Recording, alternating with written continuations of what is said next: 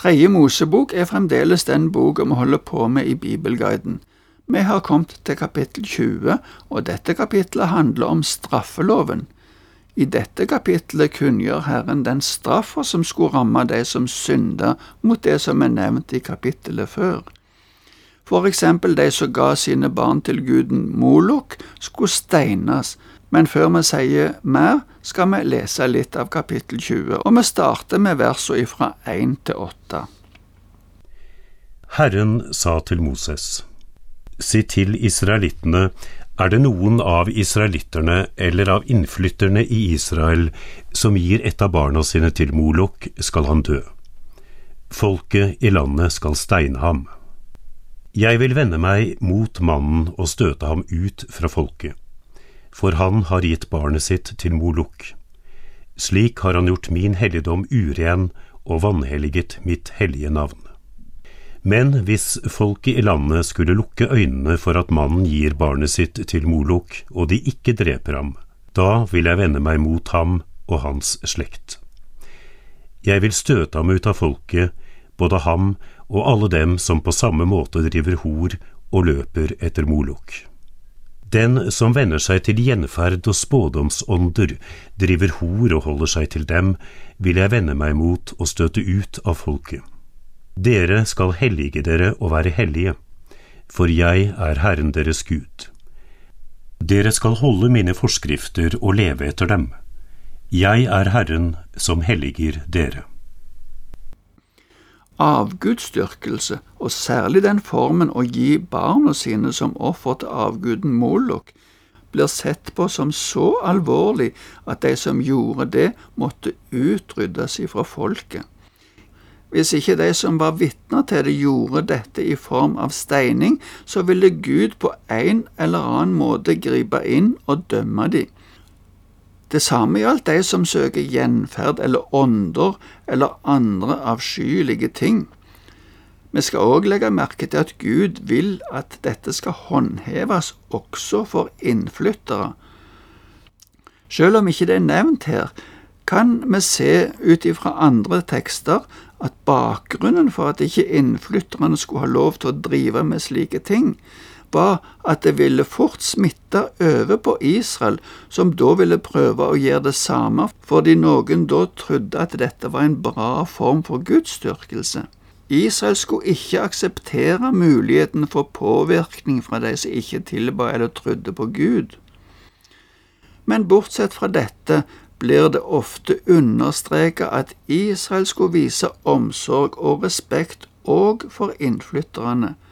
Det som nevnes her som å drive hor, kan forstås som seksuelle utskeielser mellom mennesker, men det kan òg forstås som et uttrykk for at Gud hadde inngått ekteskap med Israel i og med den pakten som han hadde inngått med dem på Sinai. Da skulle de være hans folk, og derfor betraktes det som utroskap og hor når de tilber andre guder.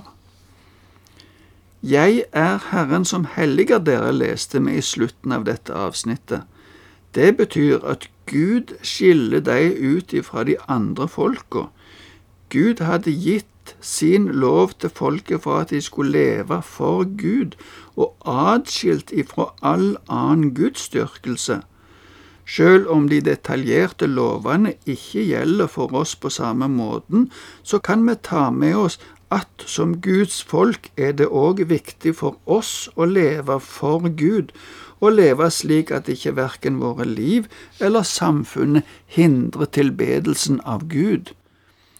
Nå blir vi både rettferdiggjort og helliggjort ved å tro på Jesus.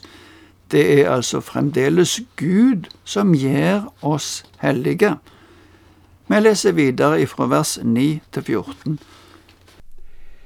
Når noen forbanner sin far eller sin mor, skal han dø. Han har forbannet sin far eller sin mor. Hans blod kommer over ham selv. En mann som bryter ekteskapet med en kvinne, en som bryter ekteskapet med sin nestes kone, skal dø. Det gjelder både mannen og kvinnen som har brutt ekteskapet. En som ligger med sin fars kone, avdekker sin fars nakenhet de skal begge dø. Deres eget blod kommer over dem. Når en mann ligger med sin svigerdatter, skal begge dø. De har gjort en motbydelig gjerning. Deres eget blod kommer over dem. Når en mann ligger med en annen mann slik en ligger med en kvinne, har begge gjort noe avskyelig. De skal dø. Deres eget blod kommer over dem. En mann som tar en kvinne og hennes mor til kone, handler skamløst. Både han og de skal brennes. Slik skamløshet må ikke finnes blant dere. Først her leste vi om det å forbanne far eller mor.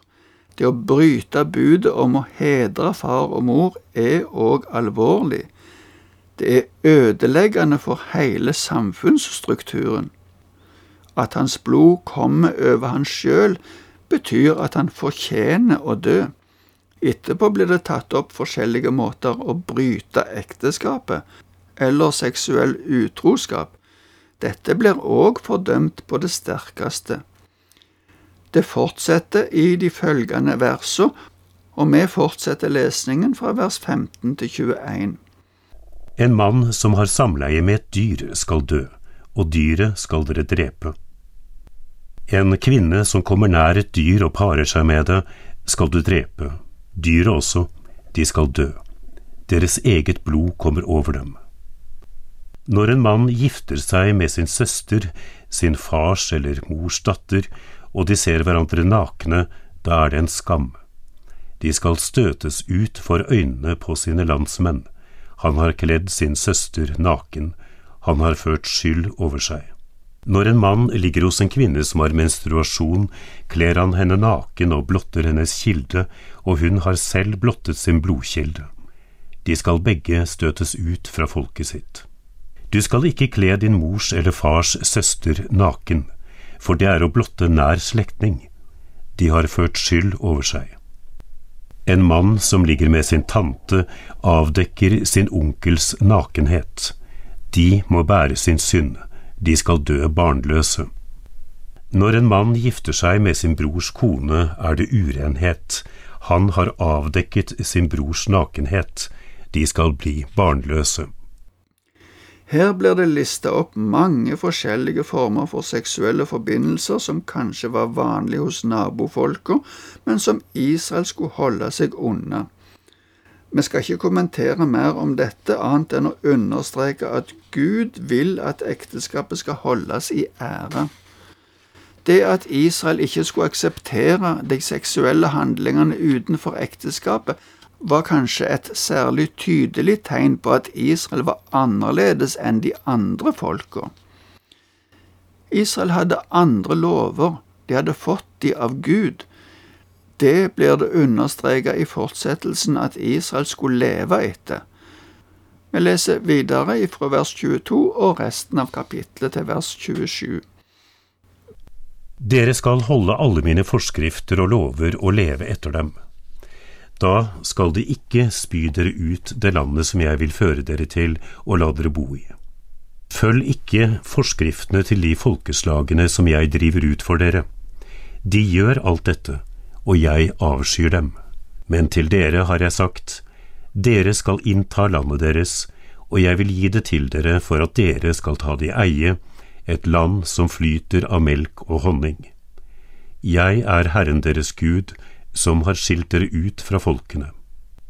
Dere skal skille mellom rene og urene dyr, og mellom urene og rene fugler, og ikke gjøre dere selv motbydelige med å spise de dyrene og fuglene og krypdyrene som jeg har skilt ut som urene for dere.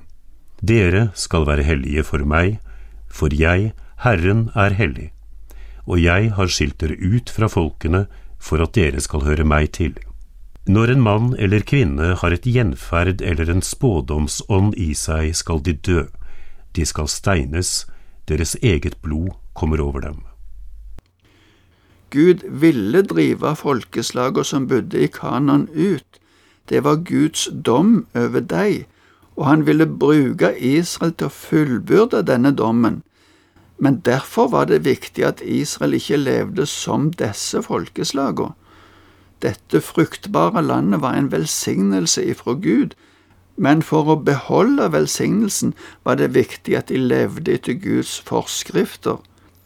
Igjen blir det gjentatt at Israel skulle være hellige fordi Gud, som var deres herre, var hellig. Israel skulle ikke skikke seg lik med disse folkeslagene.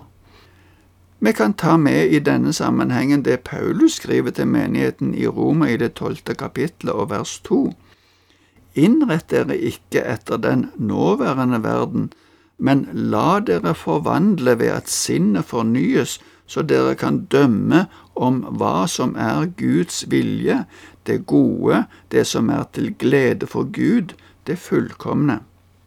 Dette gjaldt også det å søke gjenferd og spådomsånder. Men nå tror jeg vi slutter for i dag. Takk for nå, og Herren være med deg.